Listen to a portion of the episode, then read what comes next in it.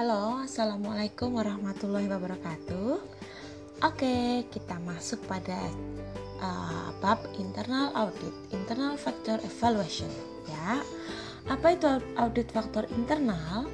Suatu proses untuk mengidentifikasikan kekuatan dan kelemahan yang ada dalam organisasi Nah, tujuannya, tujuan dan strategi selalu didesain untuk mengkapitalisasi kekuatan dan mengatasi kelemahan.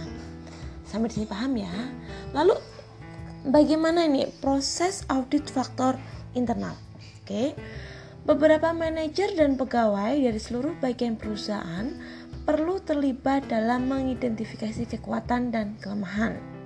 Dalam melakukan audit internal, perlu sebuah forum diskusi asimilasi, dan evaluasi informasi tentang operasi perusahaan.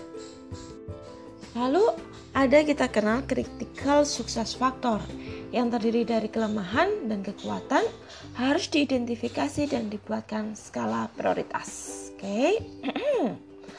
Lanjut, ini sambil boleh makan, minum atau lainnya ya, apa?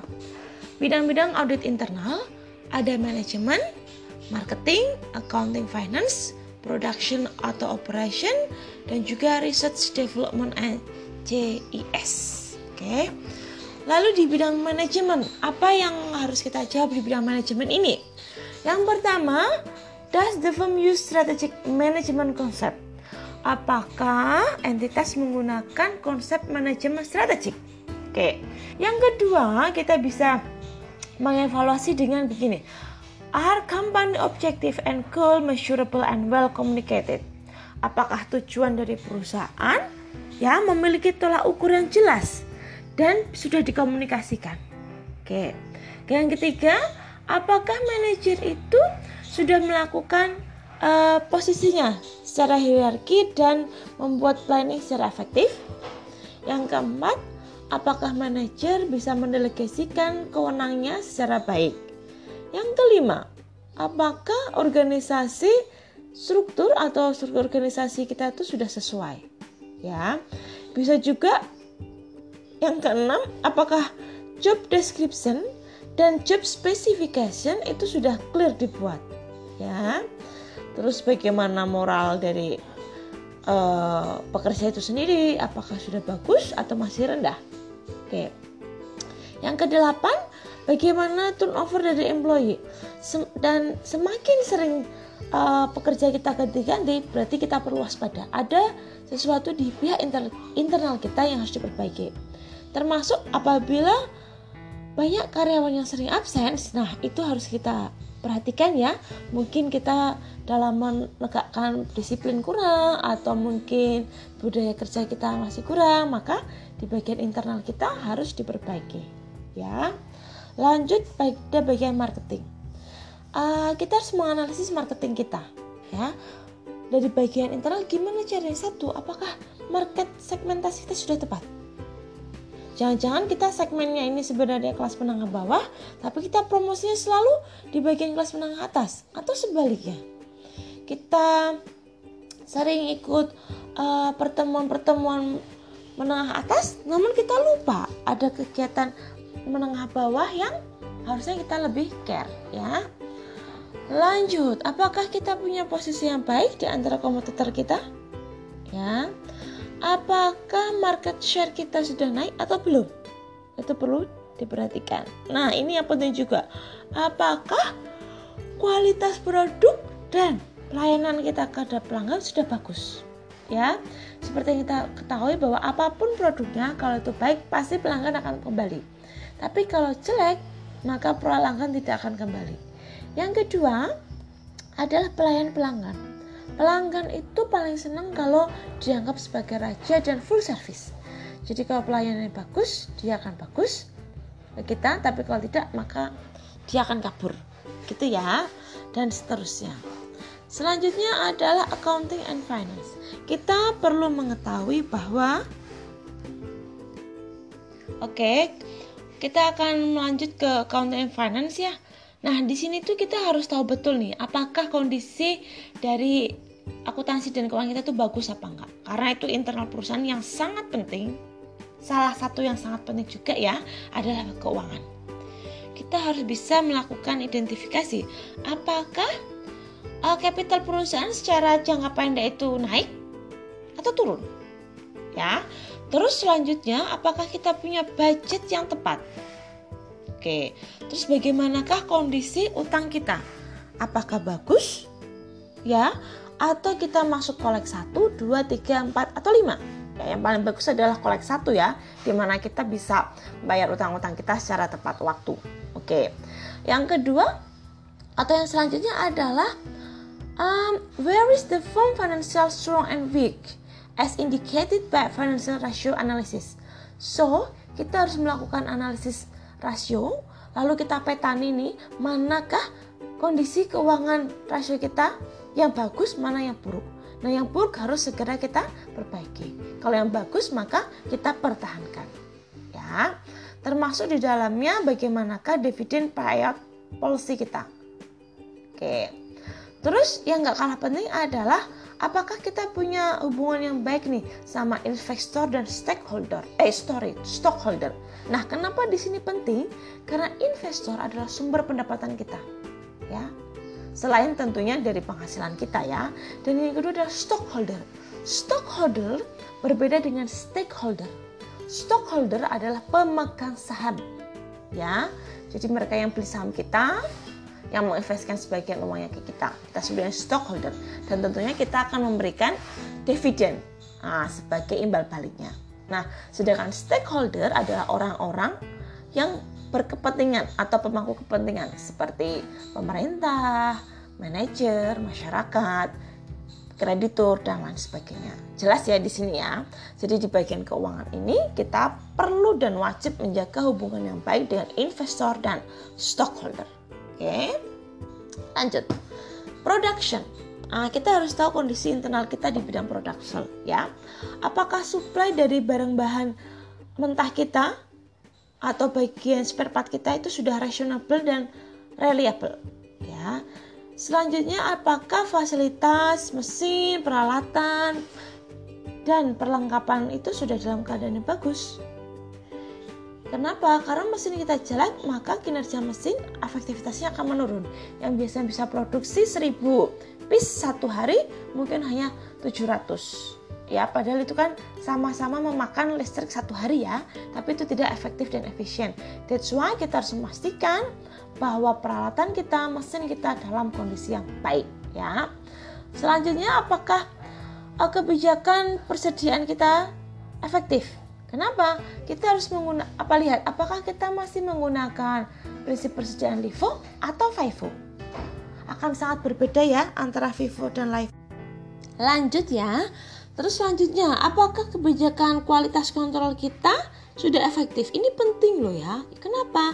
Kita harus memastikan bahwa produk-produk yang kita hasilkan dan kita distribusikan ke konsumen itu benar-benar sudah melewati quality control ya. Mulai dari misalkan nih Anda uh, bikin sepatu atau perusahaan sepatu itu harus dipastikan bahwa sepatunya jahitannya bagus, nggak ada jahitan yang sembrawut atau mencelat ya atau mungkin jahitannya lompat terus dia juga harus uh, tahan banting misalkan bisa diongkek-ongkek tidak mudah patah solnya dan lain sebagainya misalkan helm? Helm pun anda sudah harus melewati quality control seperti apa contohnya? Helm ada uji ketahanan. Jadi helmnya ada alat yang dia jatuhkan dari atas ke bawah. Pecah nggak kira-kira? Oh kalau pecah berarti ini ada yang salah dengan kualitasnya. Itu masuk ke barang yang tidak bisa dijual ya. Terus bisa juga dicek dari segi uh, ini ketahanannya. Dia dipetak sama mesin apakah payok apa enggak kalau payok berarti dia tidak melewati kualitas kontrol atau kitsinya dia bisa digeserkan jangan dijual ya begitu seterusnya oke lalu ada juga apakah uh, perusahaan kita itu sudah memiliki kompetensi teknologi yang memadai. Misalkan dari kalau sekarang itu kan kita semua pakainya media sosial ya. Nah, apakah kita sudah menggunakan media sosial yang ada, Instagram, Twitter, dan lain sebagainya? Terus apakah kita sudah menggunakan mesin-mesin yang canggih atau masih pakai mesin yang manual? Terus apakah kita bisa uh, mencapai, ya, mencapai pelanggan-pelanggan yang ada di jauh di sana dengan menggunakan teknologi dan lain sebagainya ya. Oke, Lanjut. Research and development ya. Di sini sangat penting sebagai uh, faktor internal kita. Kenapa? Karena kita harus memastikan bahwa produk-produk dan service yang kita berikan atau yang kita hasilkan itu memang sesuai dengan kebutuhan masyarakat. Ya, sesuai dengan kebutuhan pelanggan sehingga mampu memberikan feedback atau imbal balik berupa penjualan yang tinggi ya percuma dong kalau kita produksi suatu barang tapi nggak ada yang mau beli nah bisa-bisa perusahaan kita kolaps ya nggak makanya kita harus melakukan research and development uh, sebagai contoh ada perusahaan XYZ ya dia perusahaan di bidang apa namanya kamera dan lain sebagainya. Dia dulu uh, sudah melakukan riset and development tapi mungkin kurang cermat ya. Sehingga dia produksi kamera itu manual secara besar-besaran. Oke padahal selang beberapa waktu hanya sedikit mungkin hanya setahun atau setengah tahun itu muncullah kita sudah menggunakan kamera digital era digital maka perusahaan tersebut mengalami suatu kolaps ya karena yang lain sudah menggunakan digital dia masih menggunakan kamera yang manual ada lagi yaitu perusahaan mobile phone, salah satunya anggap aja perusahaan Strawberry.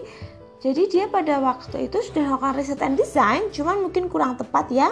Jadi dia masih produksi dengan produk-produk yang pakai tombol atau QWERTY itu. Nah, padahal selang berapa uh, waktu itu nggak lama kita sudah fokus pada menggunakan Android. Nah, jadi kan terjadi timpang tindih. Oke, okay.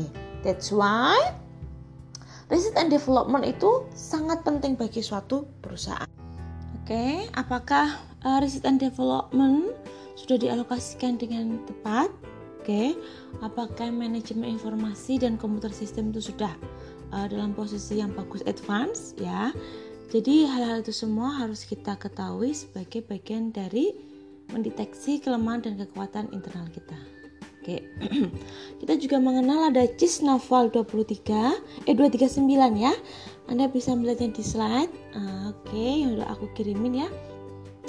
Selanjutnya kita melakukan ivemetrik dan satu dan dua.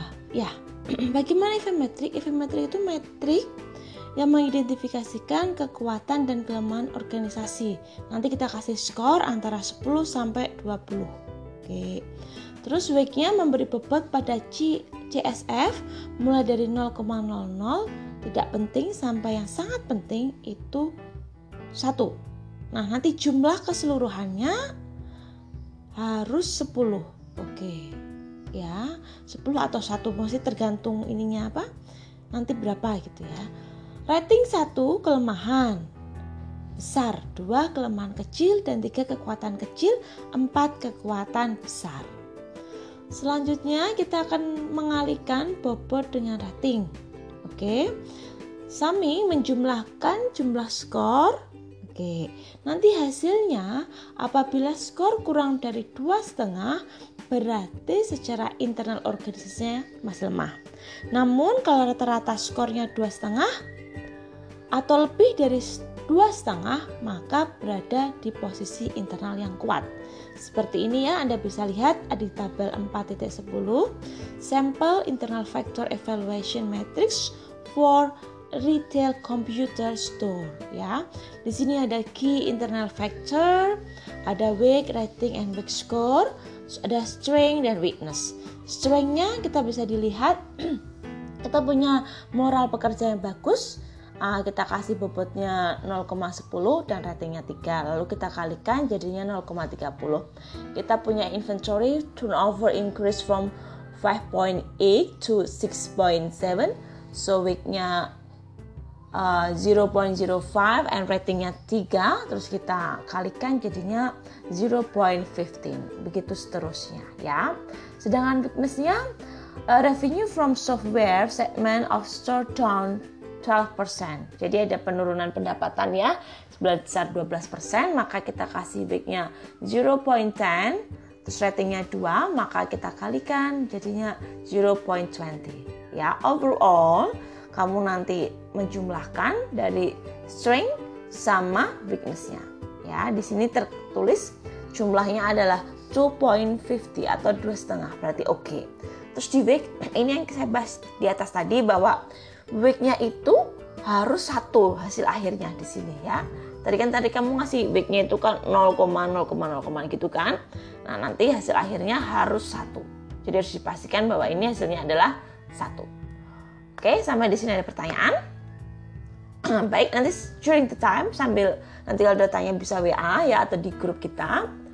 Uh, silahkan dikerjakan tugasnya mini case di bab internal audit ini ya. Di, di paling bawah itu di buku Fred ada yang namanya mini case. Silahkan dikerjakan seperti biasa diupload ke Elena dan tidak boleh melebihi standar ya kemarin ada peraturannya. Oke gitu ya. Jangan lupa di PDF agar memudahkan dalam mengoreksi dan juga mengerjakan dan mengupload tentunya lebih kecil ya dan nanti nggak berantakan. Oke terima kasih semuanya Assalamualaikum warahmatullahi wabarakatuh. Bye bye. See you soon.